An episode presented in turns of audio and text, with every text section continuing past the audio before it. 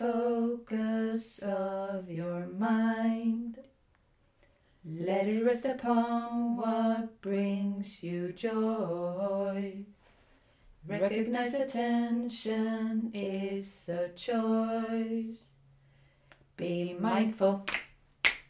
Be mindful. Be mindful. Yeah. Hej och välkomna tillbaka!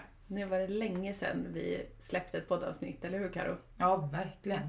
Det var ju i somras. Ja. I juli tror jag. Så att det var ju extremt länge sedan.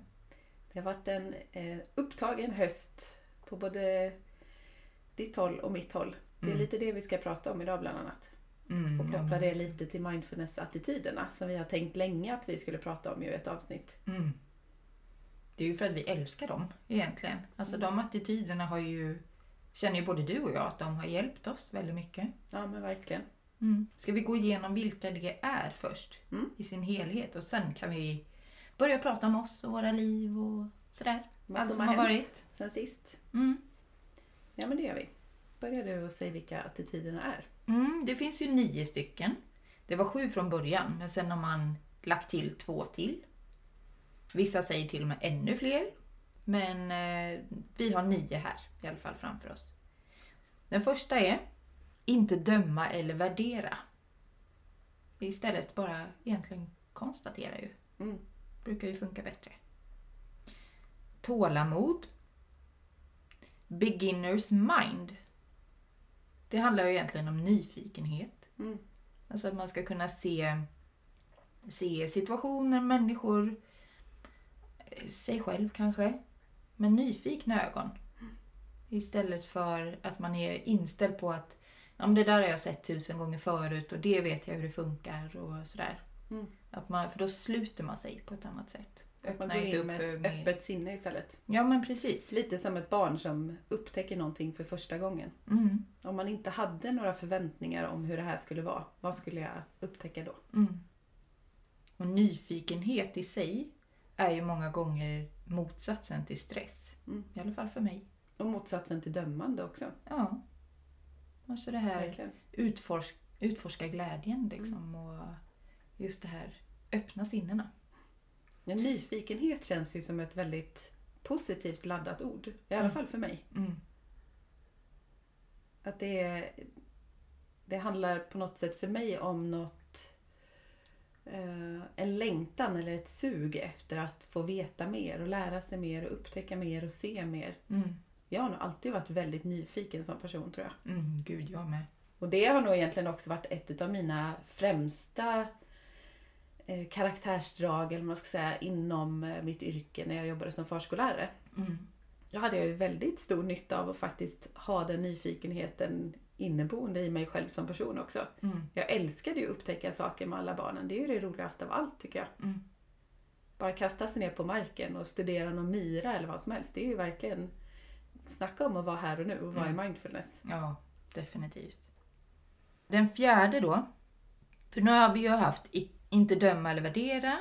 Den andra var tålamod. Den tredje var beginners mind. Och den fjärde är tillit. Våga lita på. Mm. Till exempel våga lita på sig själv, våga lita på andra. Våga lita på att saker ordnar sig. Det är många tillfällen som är bra att faktiskt våga ha den tilliten. Jag tror det, det ordet har knappt funnits i mitt vokabulär eh, innan jag började hela den här resan och utbilda mig till terapeut och mindfulnessinstruktör och sånt. Alltså om du tänker alltid när vi var små så du kunde ju vara mer så här, ja ja men är det meningen så är det meningen eller vi får se. Och jag var, ville ju ha kontroll och bara, nej men vad då vi får se? Det går inte. Jag vill veta. Hur Mm. blir det? Eller kommer det här gå bra? Eller, och jag litade ju absolut inte till mig själv. Nej. Eh, Så tillit har verkligen varit eh, någonting jag har fått jobba på. Mm. Men det går ju verkligen att jobba på.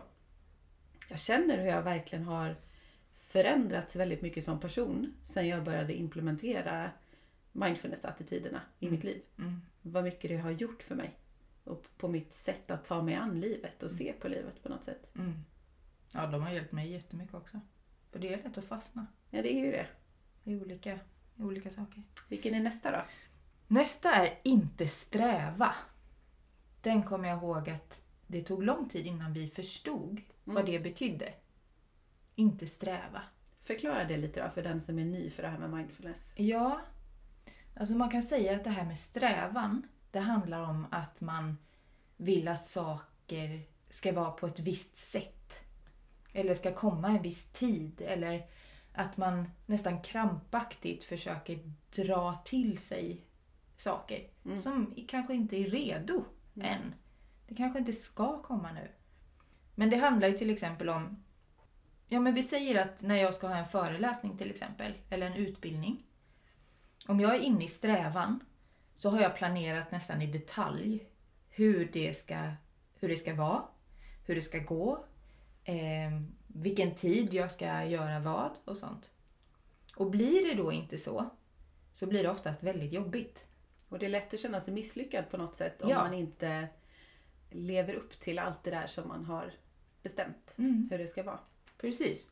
Men om man istället släpper den, eller försöker släppa den strävan, så betyder det att man, man släpper taget om, om den kontrollen kan man säga. Man låter saker få bli som de blir. Och vara som de är och eh, faktiskt att det blir bra ändå på något sätt. Även om det inte blir precis som man har tänkt sig så kan det bli bra ändå. Och jag tänker också att det här med strävan många gånger handlar om att skynda på någonting. Skynda på en process, skynda på en utveckling. Eh, ja, men till exempel när man jobbar med personlig utveckling eller när man vill förändra sitt egna beteende eller något mönster. Att sådär, men åh, varför tar det så lång tid? Och jag vill redan vara där framme. Men jag vet Petter Stordalen skriver ju det i sin bok. Han är ju en riktig entreprenör. Han skriver ting tar tid. Just det. Alltså att man behöver ha med sig det. Att saker tar den tiden det behöver ta på något sätt. Mm. Det, det blir färdigt när det är moget och redo att vara färdigt. Mm. Det där har jag verkligen fått jobba på och jobbar fortfarande mycket på som egenföretagare. Mm. Men jag tänker att vi kommer tillbaka till det sen kopplat till hur hösten har varit. Mm. Vad är nästa attityd då? Acceptans. Oh la la. Oh la la. Och det är ju nästan ett, eh, vad ska man säga, det är ett väldigt negativt ord för många människor. För man tror att acceptans betyder att man måste tycka om det som är. Bara acceptera det här nu. Ja men Det, exakt. är så. det kan låta lite sådär... Ja, att man på något sätt får nästan lägga sig platt för omständigheterna och bara ta det här nu, att det är på det här sättet. Mm. Och det kan nästan bli en strävan i det med. Mm. Att sådär, jaha nu måste jag acceptera, nu måste jag släppa det. taget, nu måste jag sådär. Mm. Men vi har ju förstått att det handlar ju mycket mer om det här med att släppa motståndet för saker.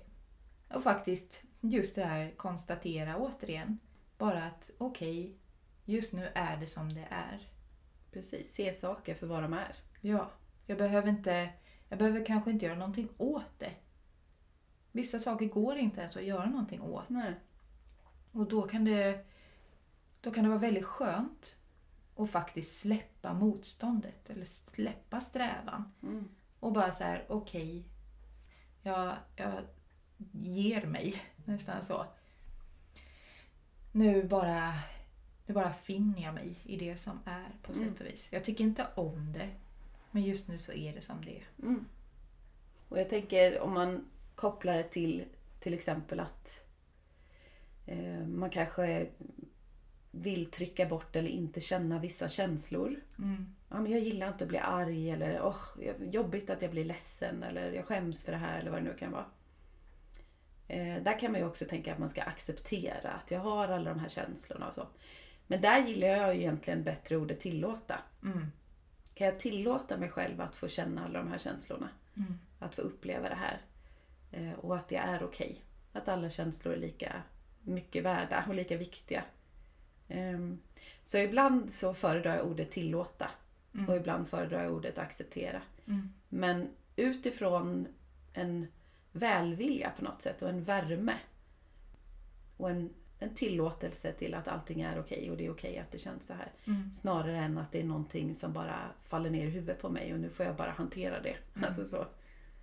Men mycket frustration handlar ju just om det här med att man inte, inte accepterar Mm. någonting. Alltså man kämpar så hårt. Ibland för att förändra sånt som inte går att förändra. Mm. Man Precis. analyserar och man kämpar och man gör motstånd och man är arg och Mm. alltihopa. Och det enda det gör är att ta energi Mm. och slösar tid på sätt och vis. Och det är som det här med, med ångest. Jag vet att den bästa medicinen mot ångest är ju just acceptans. Mm. Många gånger. Just det här att okej, jag släpper motståndet Mm. mot det som känns. Jag kämpar inte emot alla de här sakerna utan istället så går jag in, försöker jag i alla fall, det är väldigt svårt ibland, men träna på det i alla fall. Och bara mer försöker vara nyfiken. Mm. Försöker följa med och nästan ta en plats utanför sig själv och konstatera att just nu så känns det så här i min kropp. Just nu så förändrar det sig på det här sättet. Nu blir det starkare eller nu blir det svagare. Och nu försvinner det. Mm. Att man hänger med i det där, som i en våg. Mm. Istället för att göra motstånd mot en våg så försöker man hänga med i den istället. Ja, och en känsla släpper ju mycket snabbare taget. Mm. Om man bara låter den få vara och låter den få komma med den här informationen. För det handlar ju om information. Mm. Till oss själva, från oss själva, om oss själva. Mm. Vad är det som jag behöver se här eller behöver få veta? Ehm, och när man på något sätt har fått den informationen och sett det, då kan man släppa känslan. Och så kan det komma någon ny känsla istället. Men så länge man inte vill ta emot informationen Mm. och man bara håller emot och så här, nej, nej, nej, jag vill inte känna det här, jag vill inte se det här. Då står ju känslan där och knackar på dörren och bara, men hallå, öppna, jag har något viktigt att berätta. Mm. Så det är fasen så mycket lättare många gånger att bara, okej, vad är det här som jag känner? Vad är det jag upplever? Vad är det jag behöver få syn på här? Mm. Okej, det är okej. Och sen så kan man Precis. liksom... Jag brukar ju jämföra det med, med ett litet barn som Mm. vill ha uppmärksamhet. Som bara så här Mamma, mamma, mamma. Jag står och knackar på axeln hur mycket som helst. Och så säger man bara så här. Nej, stopp, du får vänta. Bara trycker bort det hela tiden. Mm. Håller bort det här lilla barnet och lyssnar inte. Vad händer då? Jo, barnet kommer ju prata ännu mer. Mm. Så blir mer och mer intensiv. Kanske börjar skrika Mm. och blir superarg. Och ju mer då man försöker att, att trycka bort det, eller alltså inte ger uppmärksamhet, desto starkare blir det ju bara. Mm. Så det bästa man kan göra i det läget är ju att vända sig mot barnet, eller då känslan som vi pratar om egentligen. Mm. Och faktiskt bara så här, okej. jag lyssnar, jag, jag ser dig, jag hör dig. Vad är det du vill berätta? Mm. Och utforska det. Det är ju då, det är då barnet ger sig, eller Ja, eller känslan. hur? liksom så. Mm. Så att, eh, men jag brukar också säga att man kan träna på det här. Eh, med att faktiskt, istället för att göra motstånd, så just utforska, så brukar jag säga att man kan träna när man får kramp i foten. Mm. Istället för att upp och studsa och försöka ta bort krampen på en gång, så gör man ingenting. Utan man bara utforskar känslan i foten, man utforskar den där smärtan. Och följer med tills det har lagt Stannar sig. i obehaget. Stannar i obehaget, ja. Precis. För det är många gånger nyckeln till att faktiskt få bort ångest eller minska ångest. Eller minska frustration eller jobbiga känslor överhuvudtaget. Så. Ja, överhuvudtaget som högkänslig så skulle jag vilja påstå att det här med att våga möta obehag är en utav kanske de viktigaste nycklarna mot att eh, ja, men börja faktiskt må bra i sig själv och eh, tillåta sig själv att få känna allt det man känner och uppleva det man upplever och våga släppa på kontrollen och allt det där. Mm. För väldigt mycket av det här med ångest eller som mina tvångsbeteenden jag hade eller ja, vad det nu kan vara för någonting. Det handlar ju om att man inte vill känna på obehaget. Mm. Eh, försöker att avleda med annat eller om jag lägger allt fokus på någonting annat då behöver jag inte känna det här som är jobbigt. Mm. Så det är ju egentligen först när man faktiskt vågar känna allt det där och känna att det är okej som saker inte får samma makt över en utan livet lugnar ner sig lite och man eh, kan lita till sig själv och veta att jag, oavsett hur det blir så kommer jag klara av det. Mm. Jag hade ju till exempel under många, många år eh, panik för att ha ont i magen och väldigt mycket rädsla kring att eh, kräkas eller bli magsjuk eller sådär. Och där var ju en gång faktiskt som jag blev magsjuk när jag bodde ensam på hotell i Malmö, en helt ny stad. Jag skulle börja en helt ny utbildning. Jag var ju egentligen väldigt eh, utsatt liksom eh, i min sårbarhet. Mm. Och blev magsjuk. Eh, och fick ju, jag var ju bara tvungen att gå in i obehaget och möta det och hantera det. Och jag klarade det jättebra och faktum är att efter det så är jag inte så rädd för det längre. Nu är jag mer så här: okej, okay, kräks jag så kräks jag. Har jag klarat det där så kommer jag kunna klara det här också. Mm. Så man blir ju starkare och modigare ju mer man vågar gå igenom också. Mm.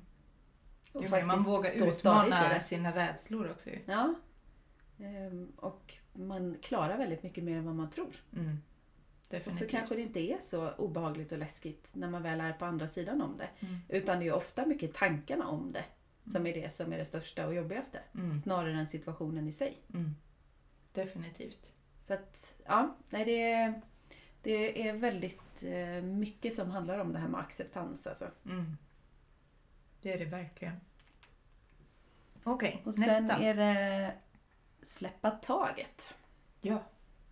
Kan också vara, vara lite negativt laddat, tror jag. Mm. För många människor. Också just för att det känns som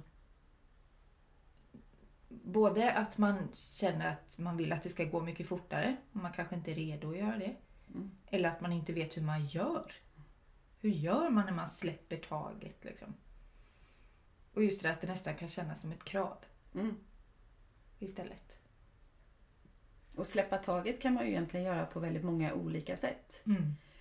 Det kan också handla om att släppa motståndet. Och bara som sagt se det för vad det är. Många av de här attityderna hänger ihop med varandra. Det går ju Mm. som en röd tråd mellan allihopa. Mm. Ehm, Så många av de andra går ju in i det här med att släppa taget också. Men släppa taget kan ju vara att tillåta någonting att få vara som det är. Mm. Ehm, Släppa taget kan vara att ehm, som sagt tillåta en känsla och sen kunna förändra den. Mm. Eller släppa taget om eh, värderingar. Mm. Eller släppa taget om att jag kanske har vissa tankar om en situation som jag känner att jag kommer inte vidare här. Jag bara fastnar i ältande. Mm. Det bara går runt, runt, runt. Eller släppa taget om orostankar och tänk om-tankar. Mm. Eh, Så det handlar ju mycket om att förändra energin också. Som man upplever i tankarna och känslorna. Mm. Släppa taget kan ju vara många gånger att låta kroppen få röra sig på något sätt. Mm. För om man bara sitter still och liksom krampaktigt håller emot så blir det ju lätt den här, det stoppar upp liksom Mm. i energin i kroppen. Det blir en stagnation. Så då kan det ju många gånger vara skönt att ja, men ge sig ut och promenera. Många gillar ju att hoppa i löparskorna och springa ut. Att det är ett sätt att släppa taget. Dansa är ju, tycker jag, ett jättehärligt sätt att släppa taget och verkligen kunna förändra en känsla. Eh, Det kan ju vara att skaka händerna, Mm. eh, skaka armarna, knyta nävarna och sen öppna dem och andas ut. Mm. Ehm, Det kan vara att kasta kuddar. Ja, absolut. Eller skrika i bilen när man är Mm. själv. Skrika en kudde. Ja. Det gör jag ibland när jag behöver få ut eh, någon frustration eller jag behöver släppa taget om någon känsla. Mm. Men det handlar ju om att, frigöra också Mm. på något sätt. Frigöra den energin. Ja, låsa upp och ge det frihet. Ja. Men jag Inte tänker hålla att, emot så mycket. Nej, men precis. Jag tänker att många gånger så kan det också handla om att man har svårt att släppa taget om en relation till exempel. Mm. Som inte är bra för en. Eller man har svårt att släppa taget om en, en förlorad relation. Mm. Eller något som man hade så stark önskan om att, att det skulle bli bra, att det skulle Precis. bra vara bra. Mm. Men hur skulle du göra då? Vi säger att det är någon som har blivit dumpad. Och har ett år senare så har den inte kunnat gå vidare. Mm. Utan det bara håller kvar krampaktigt i den där relationen. Vill ha tillbaka den igen. Mm. Vad hade du gett för tips och råd i det läget? Att tillåta alla känslor. Få ur sig allt det där som bubblar inombords. Det kanske är skrik som behöver komma ut, kanske är massa gråt, slå i någon kudde, vad det nu kan vara. Ehm, kanske skriva av sig. Att på något sätt gärna liksom verbalisera eller skriva ner eh, och bearbeta. För jag tror att det släpper inte taget förrän man är redo att släppa taget. Eh, Så att ofta behöver man ju se det som är eller bli medveten om det som är för att kunna släppa taget och förändra det. Mm. Och då kanske man eh, behöver ge sig själv det utrymmet att faktiskt processa det här. Vad var det som hände? Vad hade jag för tankar och förhoppningar? Vad tänker jag om det här som är? Hur känns det här? Hur känns det här i min kropp? Eh, och bara lugna sig själv med att okej, det här är inte vad jag hade önskat, men det är okej. Jag kommer klara mig ändå. Mm. Det kommer bli bra för mig. Det här var inte liksom slutet på min historia, utan det här var bara ett nytt vägskäl. Ehm, Så påminna sig själv om att det här var liksom en händelse i mitt liv. Men eh, tänk vad mycket mer spännande och nytt som jag kanske faktiskt får uppleva längre fram. Mm. Ehm, och gärna bjuda in hur man önskar känna istället. Mm. Vad längtar jag efter nu när jag är på det här stället? Och framförallt, vad behöver jag? Nu när jag känner mig så här sårbar och kanske blottad och övergiven eller vad det nu kan vara. Att medvetandegöra vad är det jag upplever, vad är det jag känner? Och vad behöver jag nu när jag känner så här? Mm. Och sen gärna, vad längtar jag efter? Hur skulle jag vilja känna? Vad vill Mm. jag bjuda in? Och låta det få ta den tiden det tar. Mm. Det går inte att stressa på känslor. Utan som sagt, de kommer med information. Det kanske fanns något viktigt där som man behöver se då. Mm. Eh, Man kanske har lagt allt sitt fokus, allt vad man är på den här andra personen. Och kanske igen behöver utforska och ta reda på, men vad tycker jag är roligt då? Vad är jag nyfiken på? Vad längtar jag efter? Om allting vore möj- möjligt nu i mitt liv och det inte fanns några hinder eller begränsningar, vad skulle jag vilja göra då? Men för mig sa du ett viktigt ord där. Och det handlar om fokus. Alltså för mig handlar släppa taget mycket om att byta fokus. Mm. Faktiskt. Och, och rikta blicken på något annat, på något nytt. Mm. Och åker blicken tillbaka till det där som man försöker släppa taget om. Så medvetet så för man tillbaka det här på det nya. Mm. Gång på gång på gång på gång. Tills man, tills man har gått vidare. Helt enkelt.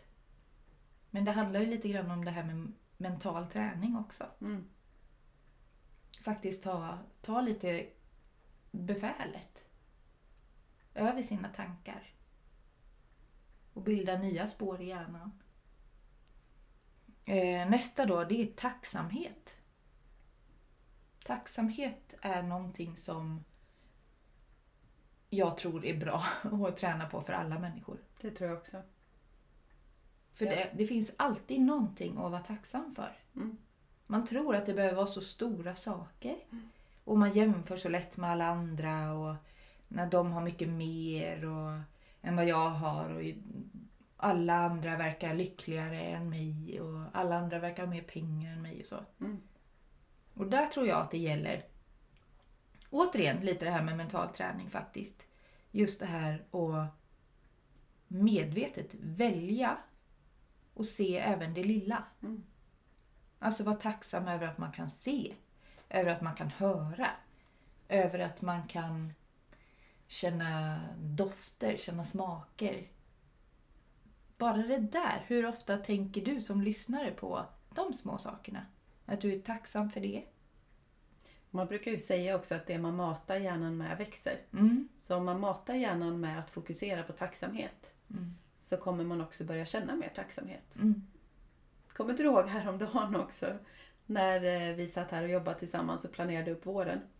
Och här ute i din bod, där det inte finns någon toalett utan det är inne i boningshuset och det var pissväder, rent ut sagt, utomhus. Och jag var jättekissnödig och var tvungen, tvungen att springa in på toa. Eh, och att jag sa till dig sen, jag bara jag är så tacksam för att ni ändå har en toalett inne i boningshuset. Och att inte vi lever på 1800-talet där det bara är utedass. För då hade, det, då hade jag frusit ihjäl där ute idag. Mm. Vad härligt att, ändå, att vi lever nu och att eh, det finns en riktig toalett fem minuter, nej inte ens fem minuter bort, en minut bort, två minuter bort. Som jag snabbt kunde ta mig till. Mm. Och jag blev lite fnissig över mig själv där, för jag har ju inte tänkt på sånt tidigare. Liksom. Var tacksam över sådana grejer. Och där, det var ju en sån sak som man annars väldigt lätt tar för självklart. Mm. Eller vad tacksam jag är att jag faktiskt har ben att gå med när jag ska gå upp och ner för min trappa hemma i mitt hus. Mm. Ehm, eller öppna kylskåpet och bara vad tacksam är jag att jag ändå har mat. Jag har någonting här som jag kan laga till och Mm. bli mätt. Det finns som du säger alltid någonting att vara tacksam för. Mm. Även när man känner vissa dagar att livet är piss och riktigt tungt. Mm. Så finns det alltid någonting. Och det kan vara provocerande. Och att höra det om man känner att jaha men ni vet inte hur jag lever eller mitt liv är faktiskt jättetufft. Det finns inget att vara tacksam för. Men jag vågar påstå det. Det Mm. finns alltid någonting. Om man väljer att lägga fokuset på det. Mm. Ibland är det faktiskt bra att jämföra. Mm. För det finns alltid någon som har det värre. Ja men lite så faktiskt. sätt. Ja. Och det finns som sagt alltid saker att, att vara tacksam för också. Mm.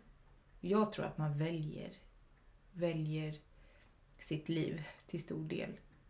Och då menar jag inte, alltså man kan inte välja hälsa ibland alla gånger och sådana saker. Och vissa dagar tycker jag jättesynd om mig själv. Mm. Och det måste man få göra också. Mm. Men det handlar ju om att inte fastna. Det handlar om att inte fastna i den där off- offerrollen eller i den här negativiteten eller så, utan medvetet faktiskt eh, se det positiva. Ja, man kanske inte nödvändigtvis väljer alla situationer eller händelser som man drabbas av. Alltså det finns du vet, barn som blir cancersjuka och allt möjligt. Men Mm. däremot så tror jag man väljer väldigt mycket hur, hur man hanterar Mm. det som är. Jag fick ju höra det när jag gick utbildningen till stresspedagog. Så sa de ju att det är inte hur du har det, utan hur du tar det. Ja, men exakt. Och det tyckte jag var så provocerande först när jag Mm. hörde det. Då tänkte jag bara så här, nej det tror jag inte ett skit på. Mm. Men ju mer jag har tänkt på det och ju liksom längre jag har på något sätt kommit Mm. i mitt växande som, som Karo så inser jag ju hur sant det är. Mm. Det finns ju människor som inte har varken armar eller ben och är med i OS liksom. Mm. Ja, ja, verkligen. Och, Det handlar ju väldigt mycket om inställning och envishet och vilja och som sagt fokus. Mm. Verkligen. Sen menar vi inte att alla måste som sagt gå runt och vara glada hela Nej, tiden. verkligen inte. Det är ju inte vi heller. Vi har ju Verkligen också inte. dagar när vi tycker att allting är piss. Mm. Men eh, det enda vi menar och det vi vill inspirera till Mm. är att se hur mycket man faktiskt kan påverka av det som är med hjälp av sina tankar. Mm. Och hur mycket man kan släppa taget om det som kanske tar energi eller känns jobbigare eller tyngre. Mm. Genom att faktiskt medvetet rikta fokus åt ett annat håll och låta saker få vara som de är. Mm. Men den sista attityden där då eh, är genero- generositet. Mm. Och vad innebär det då? Då tror man kanske att man måste gå runt och vara generös med pengar eller presenter till alla andra människor hela tiden. Men det är absolut inte det det handlar om i det här fallet. Utan det handlar ju om lika mycket att vara generös mot sig själv. Mm. Kanske att vara snäll mot sig själv. Alltså det här med självmedkänsla som vi pratade om i förra avsnittet. Just att ge sig själv möjligheten att må bra. Just det. Bara en sån sak. Mm. Och bry sig om sig själv så pass mycket så att man ger sig själv chansen att må bra. Det är verkligen inte alla människor som gör det. Nej. Vilken av de här attityderna tycker du eh, har spelat störst roll i ditt liv då, de senaste åren? Vilken har du jobbat mest med och vilken tycker du har gjort störst förändring för dig?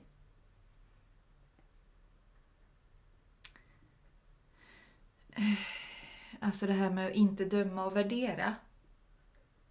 Det är nog den som har, som har gjort störst skillnad för mig. Mm.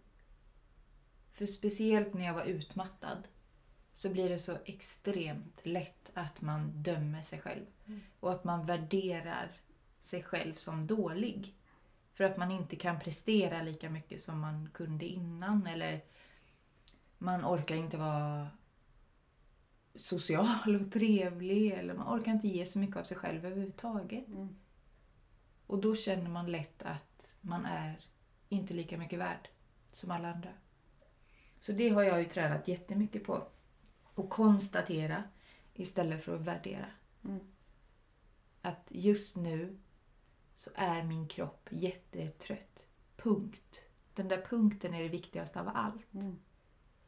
För säger man också punkt högt och tydligt så betyder det att då finns det inte en ytterligare spiral av tankar eller att man måste lösa saker eller att Mm. man att allt måste vara bra eller dåligt eller rätt eller fel eller fint eller fult. Utan ibland kan saker bara få vara som de är. Mm. Stopp. Det tycker jag har varit så vilsamt och skönt. Det har sparat mig väldigt mycket energi. Och också gjort att jag har blivit mycket snällare mot mig själv. Fått mycket mer förståelse för, för mina brister och svagheter och fått mycket mer kärlek till min egen kropp. Istället för att döma att den jag menar att den inte orkar lika mycket eller att den eh, reagerar på vissa sätt ibland eller sådär som jag inte vill att den ska göra. Så har jag blivit väldigt mycket mer förstående. Omtänksam. Mm. Du då? Ja, men jag tror också inte döma, värdera har hjälpt mig väldigt mycket att eh, acceptera och tillåta saker och ting och mig själv att få vara som jag är. Mm. Ehm, och faktiskt tycka om det.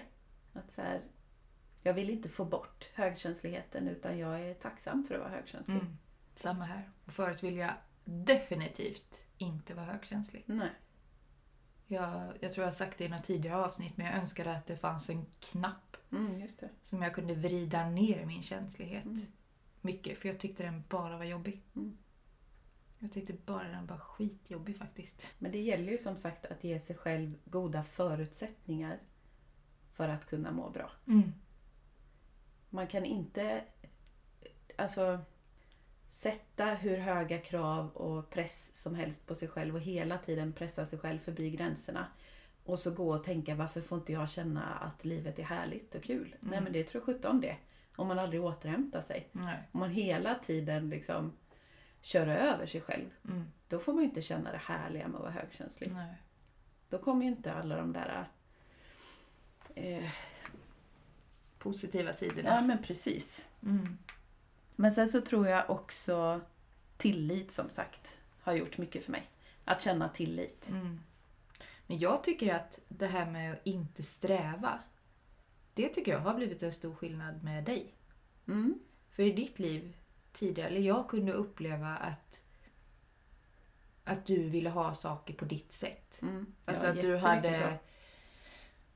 Om... Eh, det har vi också pratat om, tror jag, tidigare. Just det här... För dig var fredagsmys till exempel. så. Skulle vara på ett visst sätt. Det skulle ja. vara på ett väldigt speciellt och visst sätt. Och det Mm. skulle vara viss sorts chips och viss sorts godis kanske. Och sådär. Mm. Och blev det inte så så tyckte du att det var värdelöst. Mm. Eller att det blev helt misslyckat.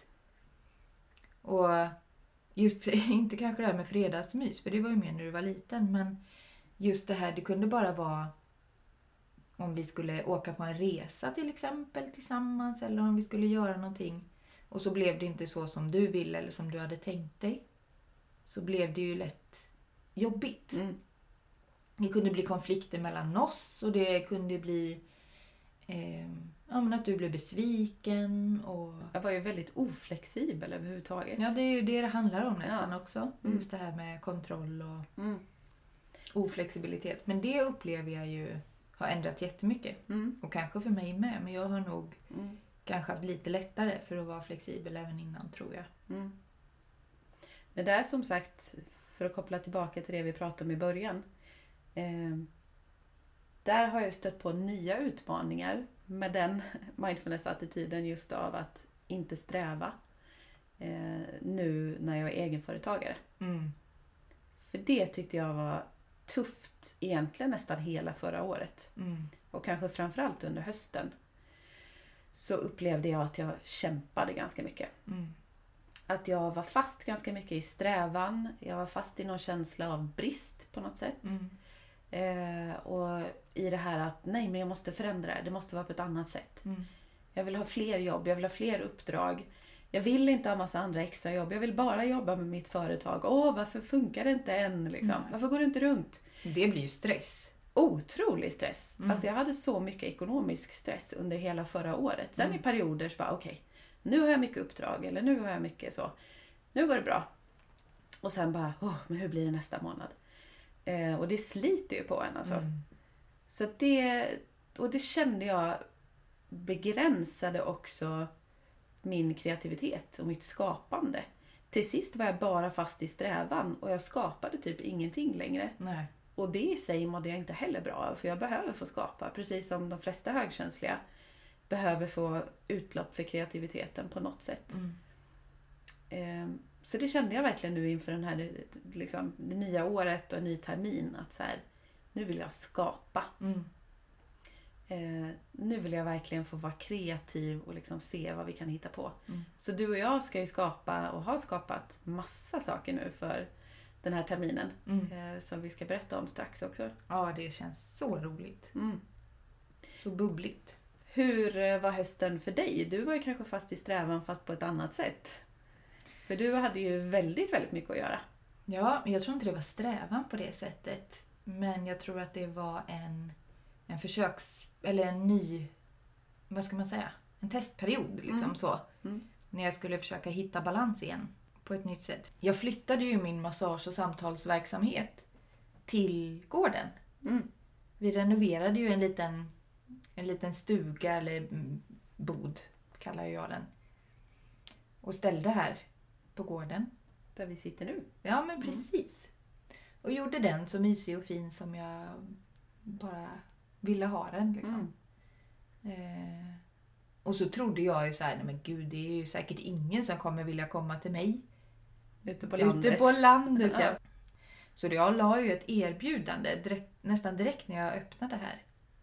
Så la jag ett erbjudande om, om billig massage. Och redan första dagen så fick jag 30 bokningar. Mm. Och dagen efter det Häftigt. så fick jag 10 bokningar till och tredje dagen så var, var hela månaden proppfull. Mm. Och då hade jag ändå lagt ut liksom många extra tider för jag tänkte om jag lägger många tider så har ju, då har ju folket mer att välja på. Så då kanske jag får några i alla fall. Men helt plötsligt hade jag ju nästan för mycket. Mm. Ja, du hade ju nästan inga pauser mellan. Nej, plus att efter två, tre veckor där då, brukar, eller då började ju kroppen säga ifrån. Mm. Att det blev för tungt att stå och massera liksom, fyra timmar om dagen. För det var inte jag van vid och det orkar inte riktigt min kropp heller. Så då började ju den säga ifrån. Och då var jag tvungen att backa. Mm. Så då fick jag ju... Ja, jag avbokade alla tider i, under två veckors tid tror jag det var. Mm. För först fick jag ju världens jäkla nackspärr. Som gjorde att jag inte ens kom ur sängen. Och det var ju ett tydligt tecken från kroppen att stopp och belägg, Mm. det här går inte jag med på. Och sen så var det något mer att jag blev förkyld eller något sånt där också. Och då, då lyssnade jag verkligen på kroppen. Istället för att säga, nej men gud, nu måste jag göra det här för nu har folk bokat och då om jag bokar av nu så kanske då kommer säkert ingen komma igen och så. Utan då lyssnar jag verkligen. Mm. Så här, okej okay, nu säger kroppen nej, då bromsar jag. Eh, och folk har ju faktiskt fortsatt att boka. Men det har varit en höst av att prova sig fram. Mm. Prova sig fram vad som är lagom. Vad är lagom mycket för, för mig? Just rent sådär, vad tycker jag är kul? När går det över till att bli jobbigt istället för att vara roligt och tillfredsställande? Och just vad kroppen orkar. Mm. Men det har varit, det har varit lärorikt. Och det har varit roligt. Mm. Men det gjorde ju också att du och jag hann ju nästan inte jobba Nej, ihop Nej, alls. verkligen. Nej. nej, för jag jobbade ju på flera olika extrajobb istället under hela hösten. Mm. Eh, för att liksom hitta någon lösning på det där. Så jag fick ju lägga företaget lite på lågfart under hösten. Jag hade lite samtal och så. Men... Så vi hade ju inte utrymme att skapa så mycket annat då eh, under hösten. Mm. Och det har vi faktiskt försökt att eh, ge oss utrymme för nu under våren istället. Mm. För det längtade vi ju efter. Ja men verkligen. Alltså båda två, vi kände ju ganska snabbt att vi gled ifrån varandra också. Mm. För att man inte hinner ses, man hinner Mm. inte liksom ha det här kreativa tillsammans. Nej, verkligen.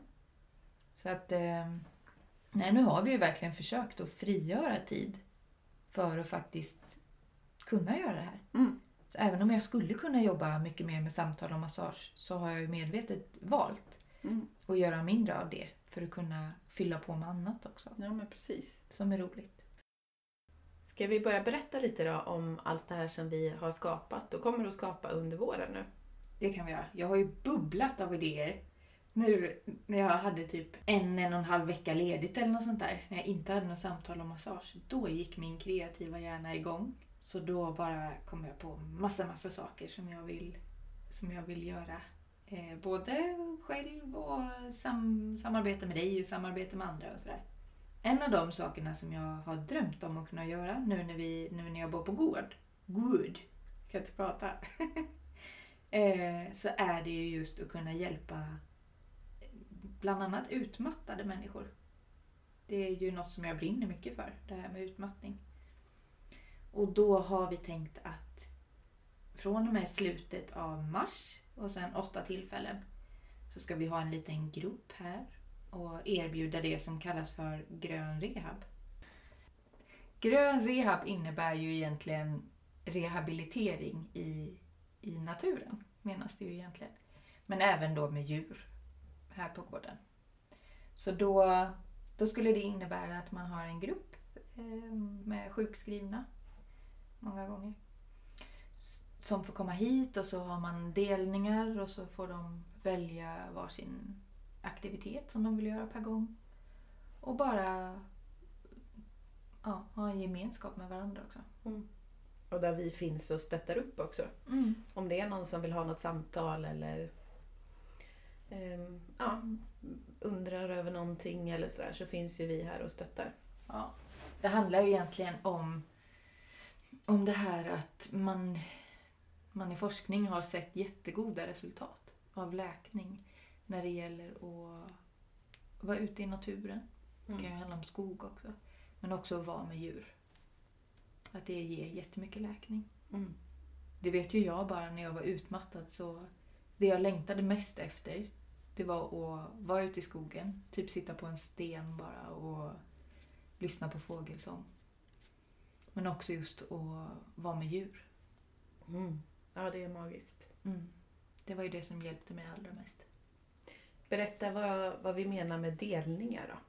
Att vi också kommer ha delningar, vad betyder det? Delningar är ju samtal i grupp.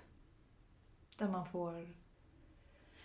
Där man kanske bara pratar om hur man mår. Eller man kanske diskuterar olika ämnen eller sådär. Men man utgår egentligen från, från sina personliga erfarenheter och personliga reflektioner. Mm. Kan man säga. Så man delar med sig av sig själv i grupp. Precis. Så det kommer vi starta med i den 23 mars. Mm. Första tillfället där och så åtta tillfällen. Precis. Så våren. om man är intresserad av att vara med där så kan man höra av sig. Det, är, det kostar ingenting för deltagarna att vara med. Precis.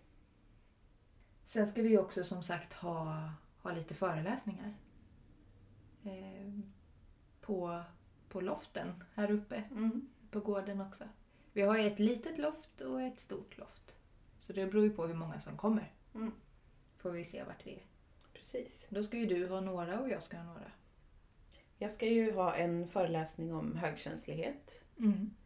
eh, lite allmänt. Eh, och lära sig förstå bättre vad högkänslighet innebär och vad finns det för kanske utmaningar och vilka styrkor och vad kan vara viktigt att tänka på för att ta hand om sig själv som högkänslig. Mm. Så det ska jag ha den 9 mars. Och sen ska vi ha en workshop tillsammans om mindfulness ju, Mm. den 29 mars. Precis. Och då är ju tanken att det ska vara en blandning av ja, men teori och reflektion och så mindfulnessövningar Mm. i två och en halv timme. Precis.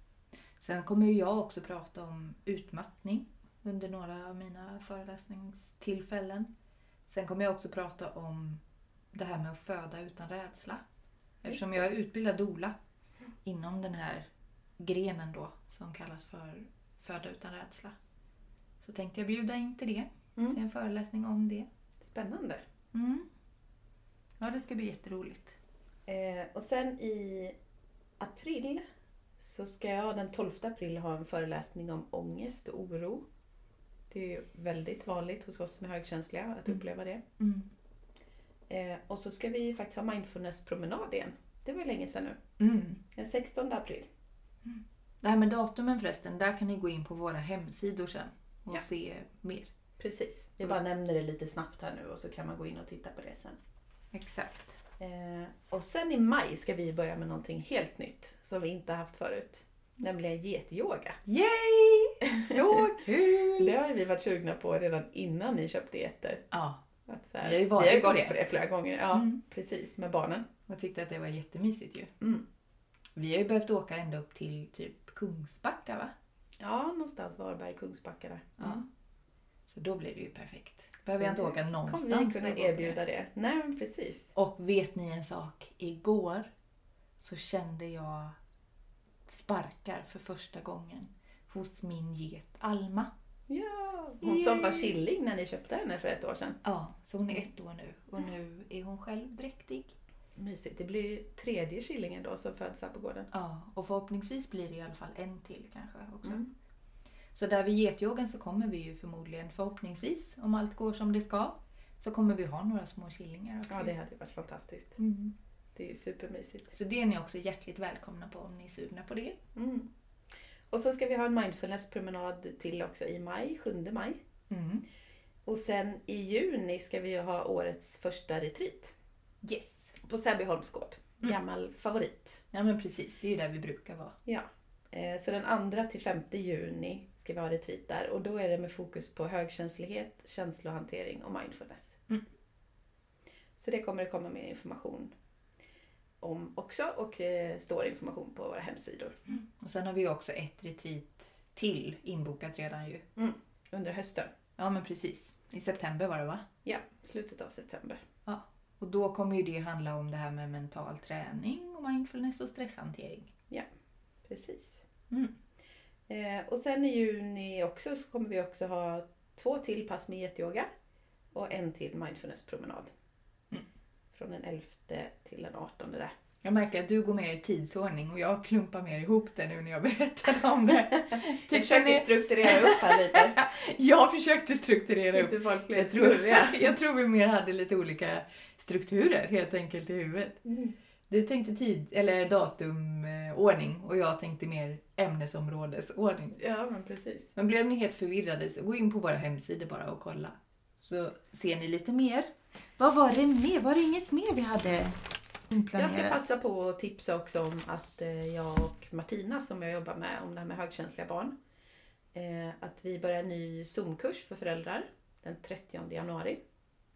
Och det är också under åtta tillfällen. Mm.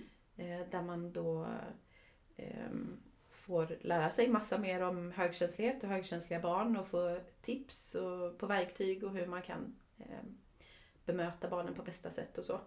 Eh, Och sen så får man ju också möjlighet att eh, möta online andra föräldrar eller andra vuxna som möter högkänsliga barn och kunna utbyta erfarenheter och tips och sådär. Mm. Och sen ska vi ha en onlineföreläsning om känslor hos barn eh, och högkänsliga barn i februari. Och en föreläsning om stress hos barn i mars. Och en föreläsning om återhämtning för barn i april. Och då kan man gå in på vår hemsida högkänsligabarn.com med prickar eh, ovanför Ö och Ä. Va? Mm.